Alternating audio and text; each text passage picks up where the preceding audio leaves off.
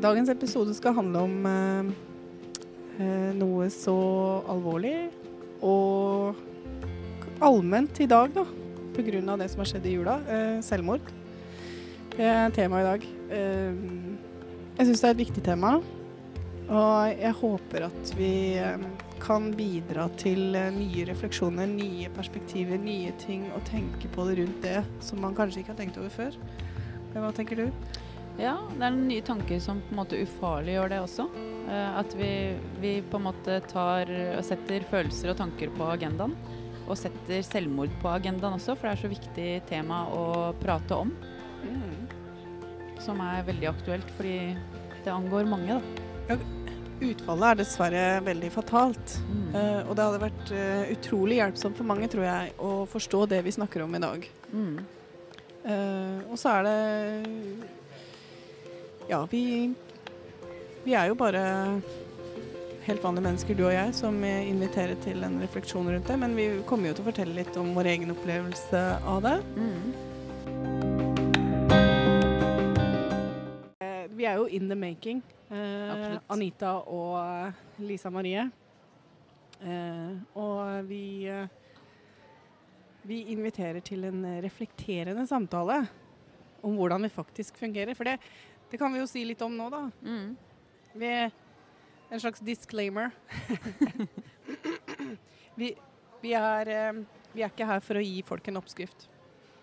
Vi holder ikke denne podkasten for å fortelle deg hva du skal gjøre med livet ditt, hvordan du skal leve livet, hva du skal og ikke skal gjøre. Altså, det fins ikke noe oppskrift i de podkastene våre. Så vær så snill, ikke hør det. vi har ikke kontroll over hva folk hører i det vi Ikke sier. plukke opp noe to do-list her. Ingen to do-list. Det er ikke sånn at vi lever i fasiten og sier uh, 'lev sånn'. Absolutt ikke. denne podkasten er en uh, reflekterende samtale om hvordan vi faktisk fungerer. Altså hva som er likt med oss mennesker. Mm. Hva som ligger i vår natur. Uh, og siden vi snakker om psykisk helse for det meste tiden, så er det også en, en mental samtale. Mm. Som, som blir kanskje litt filosofisk til tider. Fordi vi snakker om noe som ikke er håndfast. Det er ikke en fysisk ting på kroppen vår. Vi snakker om vårt mentale liv. Mm. Uh, så vær litt raus med oss på det, da. tenker jeg. Jeg vil i hvert fall invitere til det. Um, igjen, ikke noe oppskrift. Eh, bli sint på oss for det, da. Det er lov, det å bli irritert over hva vi sier òg. Men eh, hvis det høres sånn ut, så prøver vi ikke å si noe om hva vi skal gjøre. Vi prøver å snakke om hvordan ting skjer Mm. i det mentale i oss. Ja. Og det følelseslivet og det psykologiske livet vi har, og, og det vi opplever hele tiden. Så Mm. det er det denne podkasten har som hovedfokus. Og så gjør vi det litt gjennom forskjellige tema. Yes. Og i lys av uh, hva som har skjedd den siste tiden, så tenkte vi at i dag tror jeg det er viktig å snakke om noe så aktuelt som selvmord. Ja. Har du noen gang eh, Kan jeg spørre om det? Det kan du spørre om. Jeg, Har du noen gang tenkt på det? Jeg har vært eh, Jeg har til tider vært Det har vært veldig mørkt. Og jeg husker jeg var eh, da jeg var sånn 16 år og gikk på videregående, så tok Eller var jeg til sånn PP-tjeneste eller noe sånt. nå. Jeg husker ikke helt hva det heter. Men da ja, jeg tegna noen sånne dystre tegninger. Jeg var nok ganske trist, fordi det var liksom tøft på skolen og sånn, og jeg klarte ingenting. så, så da var det ganske mørkt. Men jeg, jeg kan ikke huske om jeg tenkte på det. Det tror jeg ikke. Men jeg, jeg veit jo at det har vært ganske mørkt noen ganger. Eh, og jeg vet jo også at det er veldig mange der ute som, uh, som, som tenker på det, og dessverre en god del som også begår selvmord. Så jeg syns det er et veldig viktig tema. Jeg syns det er uh, viktig å ha på agendaen, at det ikke det blir tida i hæl. Og det er jo veldig aktuelt nå, da. Uh, siden det Det som skjedde med Ari Behn. med Ari Behn, ja. Mm. Så jeg, jeg syns um, det er bare viktig å, å, å snakke om det og være litt sånn uredd eh, Ja. i samtalen om det. Ja, og så skal vi jo igjen re invitere til refleksjoner rundt det. Mm. Og litt mer vi, vi skal ikke gå inn i Ari Behn sitt liv, det, det vet vi ingenting om. Men uh, det å forstå litt mer rundt hva er det som skjer med oss når vi um, Når vi uh, tenker at uh, livet er ikke verdt å leve lenger. Mm. Altså, hva, er, så- hva er det som egentlig skjer, og hva er løsningen? Da? For vi snakker jo også veldig mye om oppsøk hjelp. Hva er hjelpa? Hva er den faktiske Mm. hjelpa? Hva er det som skal til? Så Mm. det, det tenker jeg at vi kan eh, reflektere litt over. Mm. Og se det fra en helt annen vinkel, da. Mm. Og så har jeg lyst til å høre litt om deg og din historie også. Eh, med dette med Eller tilbake i tid, da, hvordan du hadde det da. Ja. For jeg har jo absolutt tenkt på å ta livet av meg. Det er fælt å le av det. Men, men eh, det er godt å kunne le av det nå også, for jeg, jeg har det ikke sånn nå lenger. Men eh, det er ikke noe hemmelighet det, at jeg hadde lyst til å ta livet av meg. Og hadde lyst til det i veldig, veldig mange år. Mm. Eh, Jeg tror egentlig første gangen jeg satt og tenkte at nå, nå er det på tide å forlate dette livet fordi det er så vondt, det, da tror jeg faktisk jeg var 14. Mm. Så det, Det det er noen år siden. Mm. Eh, så det Og da jeg mente det, altså. Det var ikke noe Det var ikke noe tull med det. Og det, så de som sier det, de, de tuller ikke. De har det vondt. Mm. Og det er en slags måte å slippe å ha det vondt på lenger, da. Mm. Så jeg, man prøver jo å finne andre løsninger for å slippe å ha det vondt. F.eks. å begynne med selvskading. Eh, det gjorde jeg. Mm. Og det funker. Ja. Det er det som er. For når vi ikke forstår hva som egentlig skal til, hva som egentlig skjer, da. Mm. Så litt sånn uskyldig, så det var ikke sånn at jeg visste på forhånd at det ville hjelpe. Men man kommer liksom bare inn der at du begynner å gjøre deg sjøl vondt fordi du har det så utrolig vondt mentalt. At du prøver hva som helst for å få den smerten til å gå vekk. Mm. Og det var tilfeldigvis en gang at jeg knuste Jeg var så sint, og jeg var så lei meg. Jeg var så utrolig uendelig bunnløs. Trist, da. Eh, og følte meg så verdiløs. Og så i det sinnet så kasta jeg et glass i veggen. Jeg var aleine på rommet på folkehøgskolen der jeg gikk. Og så kasta jeg Det var på natta. Eh, og vi hadde jo sånn curfew klokka 11, og så skal du være på rommet ditt. Så jeg kasta glass i veggen, så det gikk i tusen knas. Og så er det nok litt sånn Jeg visste Hvor gammel kunne jeg vært da? Kanskje jeg var 17. Jeg visste nok ikke um, hva som skal til for å faktisk ta livet av deg med en glasskår. Men du begynner bare å prøve å kutte deg sjøl med det glasskåret, da. Og idet jeg gjør det, så merker jeg at jeg, den psykiske smerten går bort. Mm. Fordi du får fysisk smerte isteden. mm. Og så ser jeg i ettertid at det, det er jo ikke rart at jeg tenkte at det funka. For det letta jo. på en måte et bevis med en gang. Ja. Ja, du kjenner det øyeblikkelig på kroppen, liksom. At uh, Mm. oi, den psykiske smerten har letta. Mm. Eh, OK, du kjenner fysisk smerte, liksom, men du blir eh, øyeblikkelig nødt til å fokusere på den fysiske smerten. Da. Det er jo Mm. litt sånn vi er lagd. Ja, ja. Så jeg um, um, Det ble en eh, coping mechanism. Så hver Mm. gang jeg hadde det vondt Jeg, jeg fikk hjelp til å feie opp eh, disse glasskårene. For når jeg begynte å få, fikk det, få det bedre, så var det også lettere å kontakte noen for å få hjelp.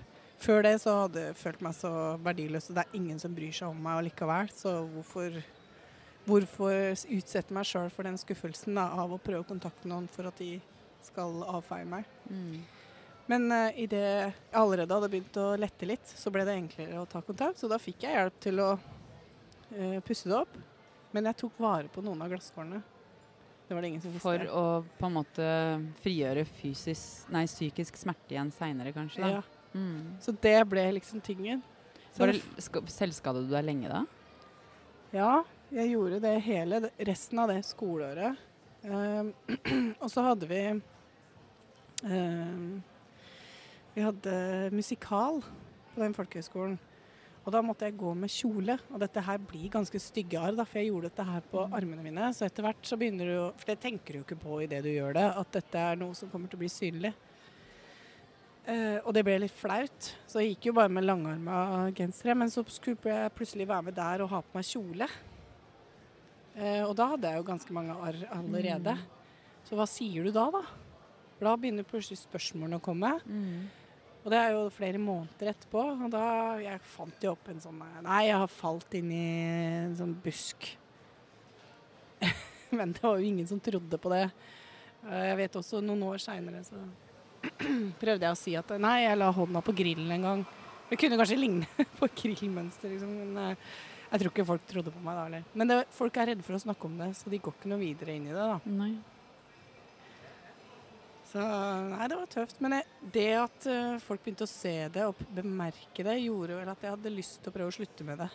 Ja. For jeg likte ikke den delen. For det, det er ikke det at du er ute etter medlidenhet eller ute at folk skal synes synd på deg. Det er ikke det. Du vil bare ikke det ha det vondt lenger. Nei, jeg tror, det virker jo sånn også. At, fordi jeg kan jo på en måte relatere meg dit at jeg, jeg fant jo mine strategier for å føle meg bedre, jeg òg. Som, som ikke er hensiktsmessig, og som kanskje ikke har ført til liksom, de beste episodene i livet mitt. Da. Men, men det, blir liksom, det blir litt mindre på en måte, alvorlig enn selvskading. Da, fordi det faktisk Det er jo en alvorlig greie. Uh, men, uh, men jeg bare ser ganske tydelig hvordan man kan bli avhengig av den tingen man finner som lindrer den mentale smerten. For dette, nå fant jo du på en måte tilfeldigvis eh, selvskading som en løsning i øyeblikket, og så fortsatte du med det. Men jeg ser jo det er så mange mennesker som lider av en distraksjon, da, kan du si. Fordi eh, det de egentlig er redd for, er jo den følelsen de har. Eller det de vil komme bort fra, da er den følelsen de har, for den er så forferdelig. Eh, og da kan det egentlig være hva som helst som Mm. er den distraksjonen. Eh, så, så det er liksom det du, det du kan lindre med, kan virkelig være hva som helst. Absolutt. Så, så, og jeg tror jo at uh, alle, alle, alle mennesker har jo følelser fra A til Å, eller fra godt til vondt. Og når vi har de kjipe følelsene Så jeg kjenner meg jo igjen sjøl også nå, hvis jeg har det skikkelig kjipt, så, så er jeg liksom Det er ikke alltid jeg har en forståelse for at dette her kommer til å gå over. Eh, Det er ikke, noen ganger så, så distraherer jeg meg sjøl, jeg òg. Eh, jeg veit at eh, jeg ikke trenger å liksom gå så drastisk til verks, men, men jeg blir på en måte lurt av de kjipe følelsene noen ganger. Mm. Eh, men det som er fint å vite, da, er jo at når det ser som mørkest ut, så, så veit jeg at det vil komme til å gå over. Selv om jeg kan være liksom i stor grad pådriveren til at de følelsene skal bli der òg. Fordi jeg eh, legger merkelapper på omgivelsene, da. Som at omgivelsene skal få meg til å føle. Så kan, jeg, kan det liksom føre til at jeg har følelsen der lenger. Men eh, det vil jo uansett gå over. Ja. Det sånn som Men det kan også føles som om at det aldri går over, da. For I øyeblikket så gjør det jo Ja, ja, men jeg mener Hvis jeg ser tilbake på meg sjøl nå, så tenker jeg jo at jeg var jo på en måte stuck i den misforståelsen i mange år, da. mm, Veldig mange år. og konstant gikk tilbake til det og Ja. satt i det. Og jeg brukte mye av tiden min på min, eh, min forferdelig dårlige følelse. mm, Og um, det å ikke komme ut av det, da. Virkelig føle at jeg er stuck. Dette må jeg leve med resten av livet. mm, Det fins ikke noe utvei. Og det ble jo sånn til slutt at jeg begynte å drømme om det at eh, noen må jo snart lage et kontor man kan gå inn på og få liksom en, eh, en ordentlig eh, verdig måte å avslutte livet sitt på. da. Det må få lov til å være et valg. Det må ikke bli sett ned på som noe negativt.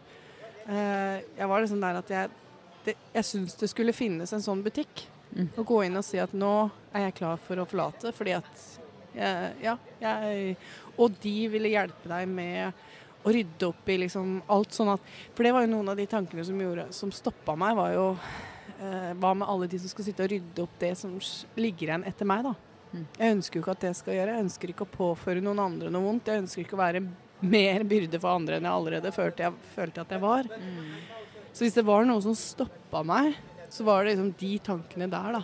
Altså hva Hva vil det si for de som sitter igjen? Mm. Jeg syns ikke noe om det. Eh, men samtidig så satt jeg jo i elendigheten sjøl og hadde det utrolig vondt og kom ikke ut av det og ønska å dø. Mm. eh, mange, mange ganger, og har eh, vært veldig nære på mange ganger også. Men det var vel sånn at det gikk litt opp og ned, liksom? Det var ikke sånn at det var konstant helt grusomt hele tida? Jeg vil si at det var lange perioder med grusomhet, altså. Jeg har egentlig aldri karakterisert meg selv som tålmodig, men eh, jeg vil, sånn sett i ettertid så var jeg vel egentlig ganske tålmodig. Ja. Ja. Eller mer, hva skal man kalle det, nesten utholdende, fordi Utholdende, ja. ja. Fordi jeg tror kanskje problemet noen ganger er jo at ikke folk ser at det er noe håp heller. ja, at, jeg hadde null håp. Det er helt riktig. mm. Og, og det, fantes, det fantes ikke, liksom. Og når du går med konstant type følelser, så, eh, og du ikke ser håp, da, da er det jo ganske mørkt. Ja. Så jeg vil heller si at det var liksom dager hvor du kanskje ikke tenker så veldig på at hvordan skal jeg ta livet mitt akkurat her og nå, men konstant nedstemt. At det var jo en av diagnosene jeg fikk, var at jeg var konstant nedstemt. Det er dystemi. Okay. Noe de hadde veldig vanskelig for å hjelpe meg med. Det var vanskelig å gjøre noe med det, fikk jeg vite. Mm. Og det er jo veldig leit å få vite når du har hatt det vondt i veldig mange år. Og det var jo bare igjen med på å forsterke den opplevelsen av at dette må jeg leve med resten av livet. Og hva er vitsen med å leve da? Mm. Nå har jeg levd liksom Jeg husker 30-årsdagen min. Det var den største nedturen jeg har hatt. For da hadde jeg vært eh, like mye deprimert som jeg hadde vært glad. Og for du var, ble deprimert i 15-årsalderen? Ja. Ja. Så det var ikke noe høydere å bli 30. Nei. Det var litt sånn OK, der passerte jeg milepunktet, liksom. Jeg hadde det første 15 år av livet mitt var ting bra. Eller ikke fullt 15 heller, da, men ikke så ille. Og så begynte den depresjonen eh, 15 år etterpå. Så det var sånn Mm. Da kjente jeg virkelig på at nå Dette gidder jeg ikke. Mm. Hva er vitsen, liksom? Men øh, ehm, Nå er jo ting så utrolig mye enklere. Altså, hva er det som hva, hva skjedde underveis, på en måte? Fordi sånn som jeg kjenner deg, nå har jo vi kjent hverandre i, siden 2014. Ja. Uh, og jeg Ikke at jeg kjente deg så godt det første året, men jeg har blitt veldig godt kjent med deg et, etter det. Uh, og jeg kjenner jo ikke på en måte den du beskriver som da du var 30, da, f.eks. Det er ikke den jenta jeg kjenner. I det hele tatt. Så hva, hva, måte, hva er det du oppdaga, hva er det som skjedde underveis der? Ja, det var jo Det var jo også kanskje den beste dagen i mitt liv, da. det å oppdage Det å virkelig egentlig forstå, innse i meg sjøl at uh, den depresjonen ikke er noe jeg lider av. At ikke det er noe jeg er. At det ikke er egentlig noe som kan påvirke meg. Og jeg trodde jo Hvis vi skulle se på grunnene, liksom, hvorfor var du deprimert, så ville jeg jo uh, forklare det veldig i detalj. Uh, jeg kunne jo fortelle veldig om alle de grusomme tingene jeg hadde opplevd i livet, og hvor mange traumatiske hendelser jeg hadde vært borti, og opplevd ting som folk ikke burde oppleve. Absolutt. Um, men det å tro at de ødelegger deg, og konstant gå og gjenleve de, da, som vi da dessverre gjør når vi ikke forstår at de ikke kan ødelegge den vi egentlig er, eh, blir, blir jo et sant helvete. Det blir jo selvtortur. Mm. Eh, men når man ikke vet at man har noe valg, så gjør man jo bare det man vet. Så jeg visste ikke at jeg hadde et valg, så jeg innså at jeg hadde et valg. Jeg innså at det var et valg der som, jeg, som egentlig alltid har vært der. Når, jeg, når det datt i huet på meg, når jeg forsto det, så følte jeg meg så utrolig bra. Jeg kan ikke huske at jeg noen gang har følt meg så bra. Og jeg husker jeg satt jo til psykologen og sa en gang at uh, jeg vet ikke lenger hvordan det er å være glad. Jeg vet at jeg smiler, men jeg er ikke glad. Jeg husker ikke hvordan den følelsen er. Det er ikke noe vanskelig å dra på seg et smil. Altså, jeg tror de fleste Hvis du hadde spurt de rundt meg også, så ville de sagt jeg bodde jo aleine, du var ressurssterk, jeg fiksa alt og fikk altså, Jeg tror ikke nødvendigvis folk rundt meg hadde sagt at uh, jeg var en person som sleit med depresjon, da. Ehm, de nærmeste visste det jo, men eh, Men de andre så det ikke, og kunne nok ikke se det heller. Eh, man, man opprettholder jo et Mm. eller annet sånn flink pike-greier som, som ikke bidrar så veldig, da. Nei. Men man vil jo kanskje heller ikke For jeg vet jo det er veldig mange som har litt sånn gameface. Og det har jo jeg hatt òg. fordi jeg ville jo på en måte at folk skulle se en sånn glad person. Ja. Bare fordi det var lettere for meg å være det, liksom. Så jeg tror nok det er mange der ute som bare setter på en sånn uh, midlertidig maske inntil de kommer hjem og på en måte kan slappe av i ja, og så trodde jeg at jeg måtte. Mm. måtte. Jeg trodde ikke det var greit å snakke Jeg tror ikke folk ville bry seg om mine ting, liksom. Det var jo også litt opplevelsen mange ganger, at de ikke var interessert. Um, men ja, det jeg oppdaga var jo virkelig å se at alt det der er en uskyldig misforståelse som jeg var opphengt i. Mm. Fordi at jeg ikke visste hva jeg egentlig var. Jeg visste ikke hva min identitet egentlig var. Og jeg snakker liksom ikke om personlighet nå, eller det vi vanligvis snakker om når det gjelder identitet. Jeg snakker om som menneske. Hva er det vi egentlig er i dette mennesket? Vi er ikke denne fysiske kroppen, da. Det er noe med det. Jeg oppdaga liksom mer rundt det. Og skjønne at tanke er det vi opplever. Og den er veldig fersk. Den er veldig her og nå Mm. hele tiden. Fersk og flyktig. Ja, hvor lenge klarer du å holde på den ene opplevelsen? Mm. Fordi tankene dør hele tiden. Mm. Men jeg klarte å opprettholde det hele tiden fordi at jeg gikk i dette hamsterhjulet, da. Når du tror at uh, fortiden din kan ødelegge deg. Du, ingen kan gjøre noe med fortiden. Har du opplevd forferdelige ting, og så tror du at det har ødelagt deg, så er du stuck i det helvetet. Mm. Det var det jeg var. Ja. Jeg måtte først innse at det kan ikke ødelegge meg. Og det innså jeg idet jeg skjønte hva jeg egentlig var. Men jeg tror veldig mye nøk Eller det er mye, mye i det du sier der, da.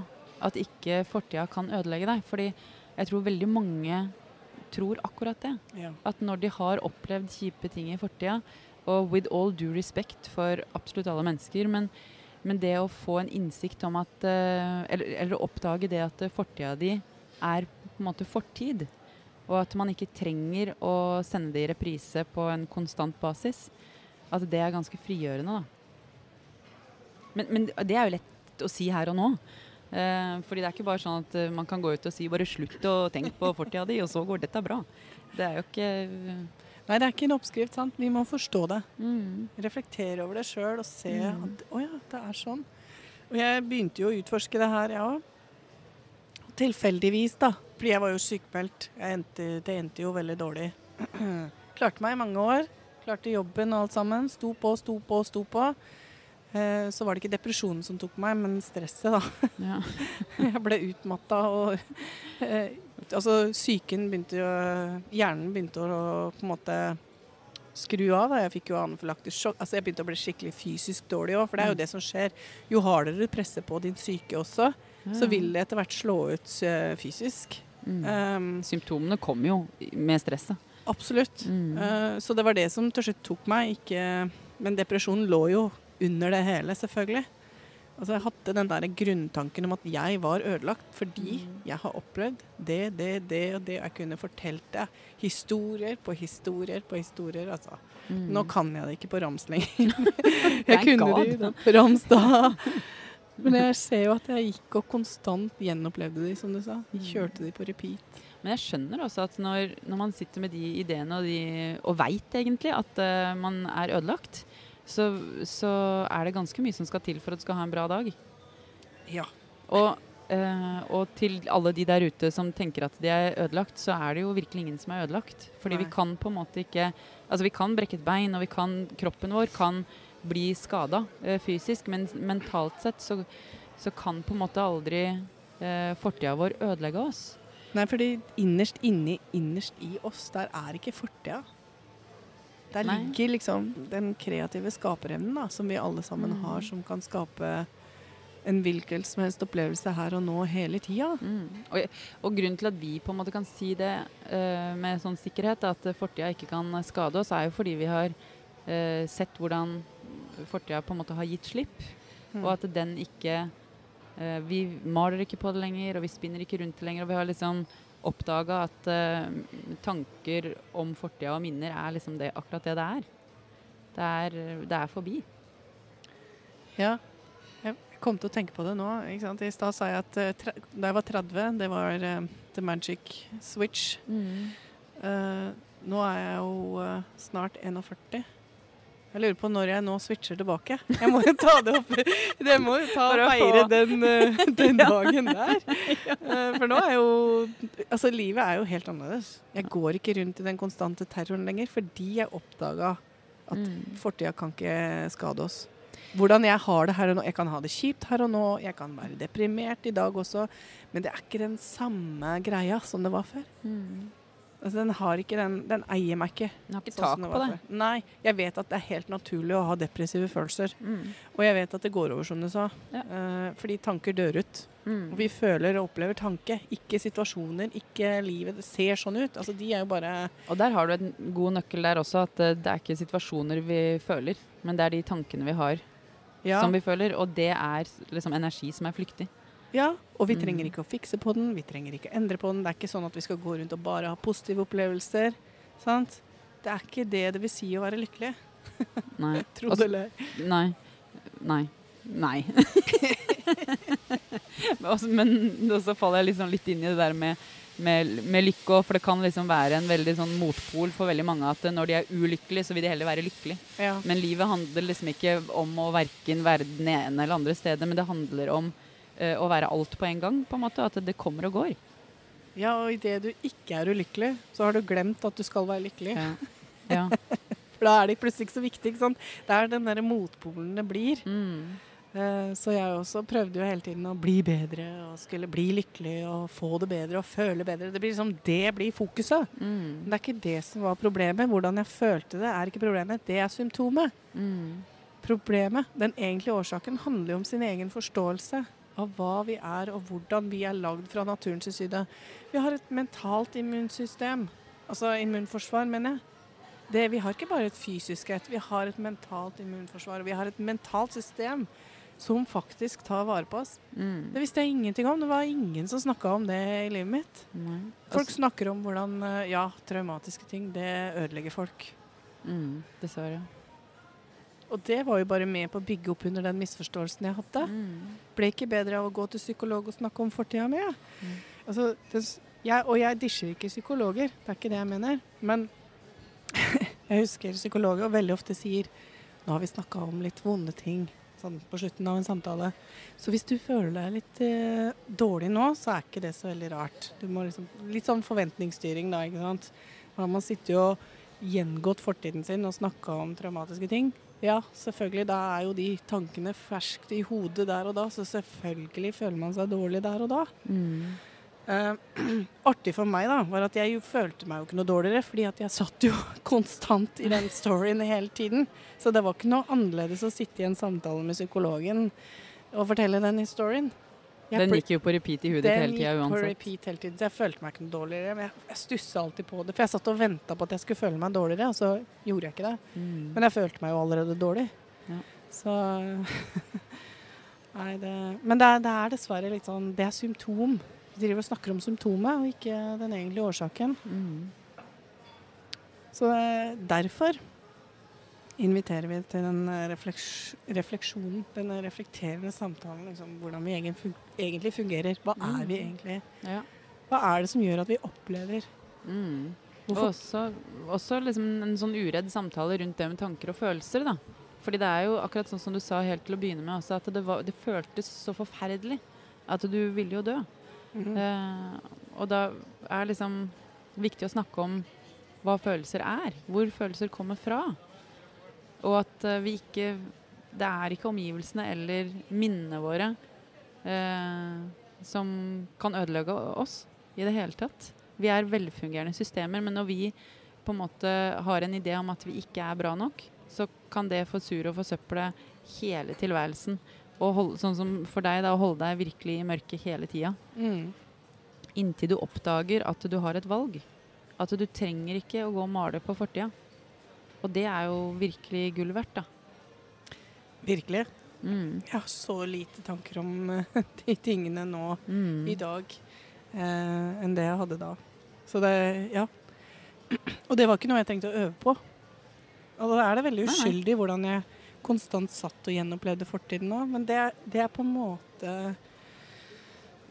Hva skal jeg si, det er forståelig at vi gjør det òg. Det er liksom best effort ut ifra det vi veit. Mm. Så når jeg tror at jeg er ødelagt av fortida, så vil det være naturlig å sitte og gruble For noen, ikke for alle.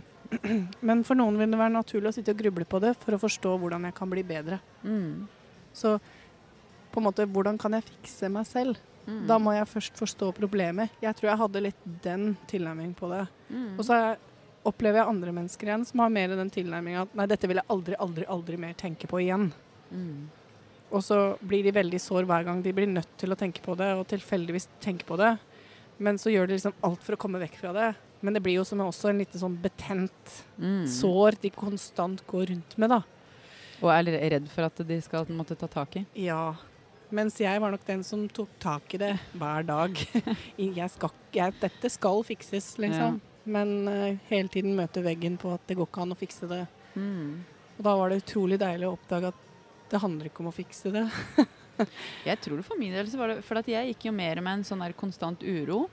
Uh, I 95% av tiden så var det liksom og ikke, Jeg visste jo ikke hva jeg tenkte egentlig heller. Det var bare jeg kjente den rastløsheten eller uroen i kroppen. Og da fant jeg jo på en masse ting, da. Fordi jeg var jo liksom litt sånn stressa hele tida.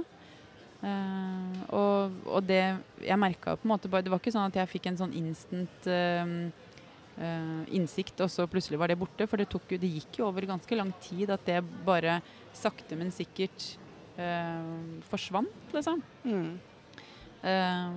Og på den tida, eller på de årene som det tok for min del, da, så, så hadde jeg jo oppdagelser underveis som at, at eh, jeg faktisk ikke var eh, ødelagt. Eller at jeg faktisk ikke var Jeg fant liksom ut at, eh, at jeg, jeg er bra, liksom. At er, hele systemet funker helt perfekt. Det er, ikke noe, det er ikke noe feil med meg, selv om jeg har en kjip følelse.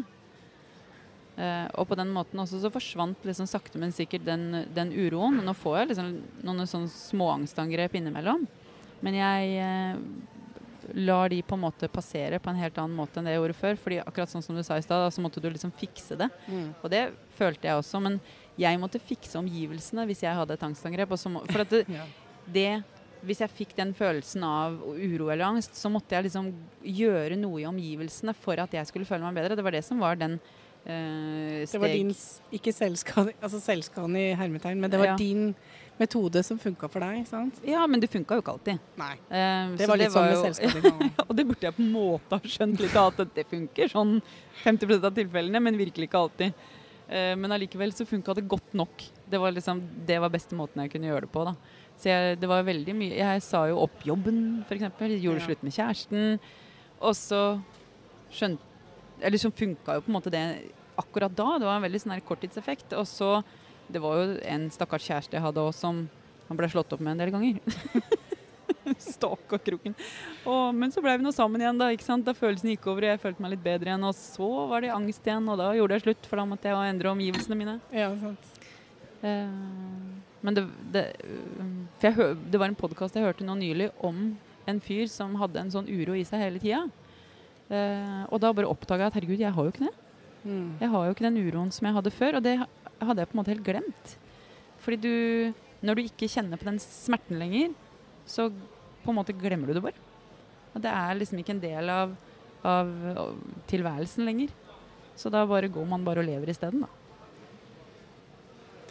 Altså, høres det litt ut som det du sier, det du beskriver av ditt liv, at eh, du var litt mer påvirka av nuet. Hvis du skjønner, altså um, Det som skjedde der og da hele tiden, mens jeg satt i fortiden og alt Ja. som jeg hadde opplevd og gjenopplevde det, så satt du i Mm. det som eventuelt var kanskje litt sånn kasteball av det som skjer her og nå. Absolutt. Ja, jeg hadde jo liksom noen grunnregler om at uh, jeg burde hatt en bedre jobb, og jeg burde jo hatt en bedre kjæreste. Alt, alle de tingene som er liksom, liksom perfect picture der ute i samfunnet, da. Men, um, men jeg var veldig en sånn Det blei jo eh, Nåtiden ble veldig en sånn karusell, eller cocktail av følelser, da.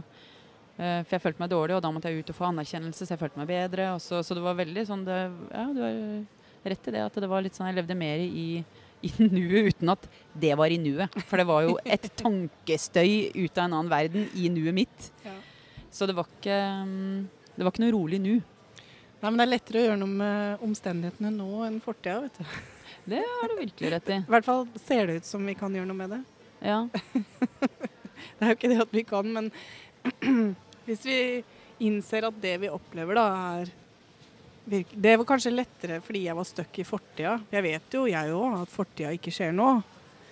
Eh, og jeg fikk jo høre det noen ganger når jeg prøvde å forstå dette her og utforske dette her for meg sjøl òg, at eh, fortida kan ikke skade deg, liksom. Jeg husker uh, en av de jeg hørte på, sa det at nå kunne hun se på fortida si som en dårlig DVD-film. Som hun ikke trengte å se på lenger. Som hun kunne bare ha i skapet. Og, trengte, og jeg bare Hæ? det går ikke an. Og jeg, og jeg ble litt sånn Men jeg, det jeg hørte på henne, jeg hørte at hun mente det. Mm. Jeg hørte at hun løy ikke. Det var ikke noe hun fant på. Hun mente det. Og jeg, og jeg ble så nysgjerrig. Jeg ble sånn herre Hvordan er det mulig? Mm. Det der vil jeg forstå også. Liksom. Og det var liksom bra, da. Å være Mhm. nysgjerrig på det og prøve å forstå det. Samtidig var jo noen ganger jeg tenkte åh, jeg, nei, det går ikke. jeg kommer ikke vekk fra det, liksom. Men jeg husker også det var en gang du sa nå må du kanskje rette meg, da, for jeg husker kanskje feil. Men uh, jeg husker at du sa en gang at du eh, Fordi man tenker jo at fortida ikke endres, liksom. At fortida er liksom Fortida er fortid, og det er forbi, og det er sånn det er, og alltid kommer til å være. Men jeg, jeg, jeg husker at du sa på et tidspunkt at du hadde sett noe nytt, eller noe, og plutselig så så du fortida di i et annet lys. Og det syns jeg er litt interessant, fordi man kan jo, kan jo tenke sånn at uh, fortida er fikst, liksom. Det er ikke noe å gjøre med den. Det må du leve med for alltid. Men kan du si noe mer rundt det? Ja, takk for påminnelsen. det er så utrolig hvordan vi bare glemmer Mm. hele tiden. da. Jeg, altså, jeg, når skjedde dette her? da? Det var i 2014, sa du det? Mm. 2014 gikk jo lyset opp for meg, da, hvis vi kan si det på den måten. hvor jeg kunne innse at jeg ikke var ødelagt, og, og livet snudde seg virkelig opp ned. Jeg hadde det fantastisk. Altså, det var et uh, Jeg hadde vel utforska det godt og vel et år før det dalte inn. Før jeg Før Mm. liksom Hva heter det? Før lyset slo seg på. Jeg tror det er mange metaforer for det der. ja. uh, før den siste brikka falt på plass. Ja. Uh, Nå glemte jeg hva jeg skulle si. Tilbake til fortida di, at den endrer seg. Ja. Eh, og eh, Så det, ta, det tok tid for meg også, men idet jeg skjønte det, så var det liksom Alt endra seg, og jeg klarte ikke nødvendigvis å få med meg alt som endra seg med en gang, men det ble jo en oppdagelsesreise å se verden og livet annerledes. Mm. Når du ikke konstant gikk rundt i din elendige fortid. Og så på den DVD-en, på en måte? Ja, når du la fra deg den DVD-en, og ikke gikk og barte på den tunge sekken med hvor elendig du er, hvor dårlig du er, hvor lite verdt du er, og alt sånn, hvor ødelagt du er, den liksom bare datt av, da. Mm. Uh, og plutselig føler du at du svever litt på livet istedenfor, og um, kjenner på gode følelser, fordi du faller jo på en måte ut av den elendigheten du, du uskyldig satt i, da. Og da, fra det, da endrer jo sinnsstemningen seg. Når jeg plutselig da ser tilbake på uh, fortida mi, så kan jeg se den med, andre, med en annen forståelse. Mm. Og da forandrer den mening. Den forandrer også Den forandra seg hvordan det opplevdes for meg. Og det er som når du sier det er rart, for det, det er jo ikke det at jeg sier at uh, de tingene som skjedde meg, ikke skjedde lenger. Nei, det er ikke det jeg sier. Vi kan ikke endre de tingene som skjer oss. Men opplevelsen, Mm. den er mental. Den kan endres. Fordi opplevelsen er fersk hele tiden. Så hvordan jeg opplever uh, et øyeblikk i livet mitt uh, til enhver tid, er forskjellig. Det skapes ferskt hver gang jeg gjenopplever det. Liksom, Det visste jeg ikke var sant. Så før så var det jo merkverdig da, hvordan man gikk og gjenskapte det på samme måte hele tiden. Mm. Uh, mens nå, med en helt annen dypere for, og dybde i forståelse av hvordan vi mennesker fungerer, så kunne jeg se på mennesker som har gjort meg vondt, og skjønne at de gjorde det ikke med vilje. Nei, ikke. Det var ikke så vondt ment som jeg trodde det var. Jeg, jeg kan forstå mobbing annerledes. Eh, Jeg ble jo mobba, men jeg, jeg skjønner at eh, hm, Jeg vet ikke hva jeg skal si. Jeg forstår uskyldigheten i det. Jeg ser ikke lenger på mobberen som en sånn stor, stygg person som var forferdelig slem med meg, og som ødela meg. men jeg ser at han og jeg er helt lik. Mm. Det er ikke noe forskjellig på oss. Jeg misforsto det som at jeg var et offer. Han øh, gjorde det han trengte å gjøre, og følte seg garantert ikke bra. Og det var ikke Hadde han visst bedre, hadde han visst hvilken øh, effekt det hadde på meg, så hadde han ikke gjort det. Men han visste det ikke. Så da Og det er ikke det at jeg unnskylder han for hans dårlige oppførsel, men noen ganger så bare veit vi ikke at det vi gjør, er ikke så bra å gjøre, da. Men hadde vi visst det, så hadde vi slutta. Mm. Så, um, så, og da plutselig så så var jeg ikke et offer lenger, da. Jeg kunne, liksom Fra å være et mobbeoffer som skulle lide under det navnet, under den merkelappen i alle år, så var jeg ikke det lenger. Det er jo helt fantastisk. Jeg har fremdeles opplevd mobbing, men jeg er ikke noe mobbeoffer, og jeg sliter ikke med det, og jeg er ikke ødelagt. Nei. Og jeg vet at det er ingen som opplever mobbing som er det. Mm. Men de må skjønne det sjøl. Mm.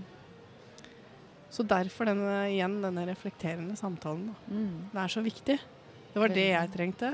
Men igjen, ikke hør oppskrift. Nei. Men jeg, det jeg håper på, er jo at folk kan begynne å stille litt spørsmål til eh, eh, til sin egen opplevelse, da. Og Mm. hvordan, eh, hvordan de ser på livet nå. For vi har jo Det som har skjedd, er jo at vi har, vi har på en måte sett litt bak kulissene og sett at det var ikke helt sånn som vi trodde det var. Uh, og det har jo gitt en langt større ro i livet. Det er vel noe av det som jeg setter mest pris på. At eh, jeg har fått en veldig mye større ro i livet. Eh, og det er på en måte alle forunt. da. Og det er derfor vi, vi har lyst til å ha denne podkasten. For vi ser jo at det er kjempehensiktsmessig å vite om det.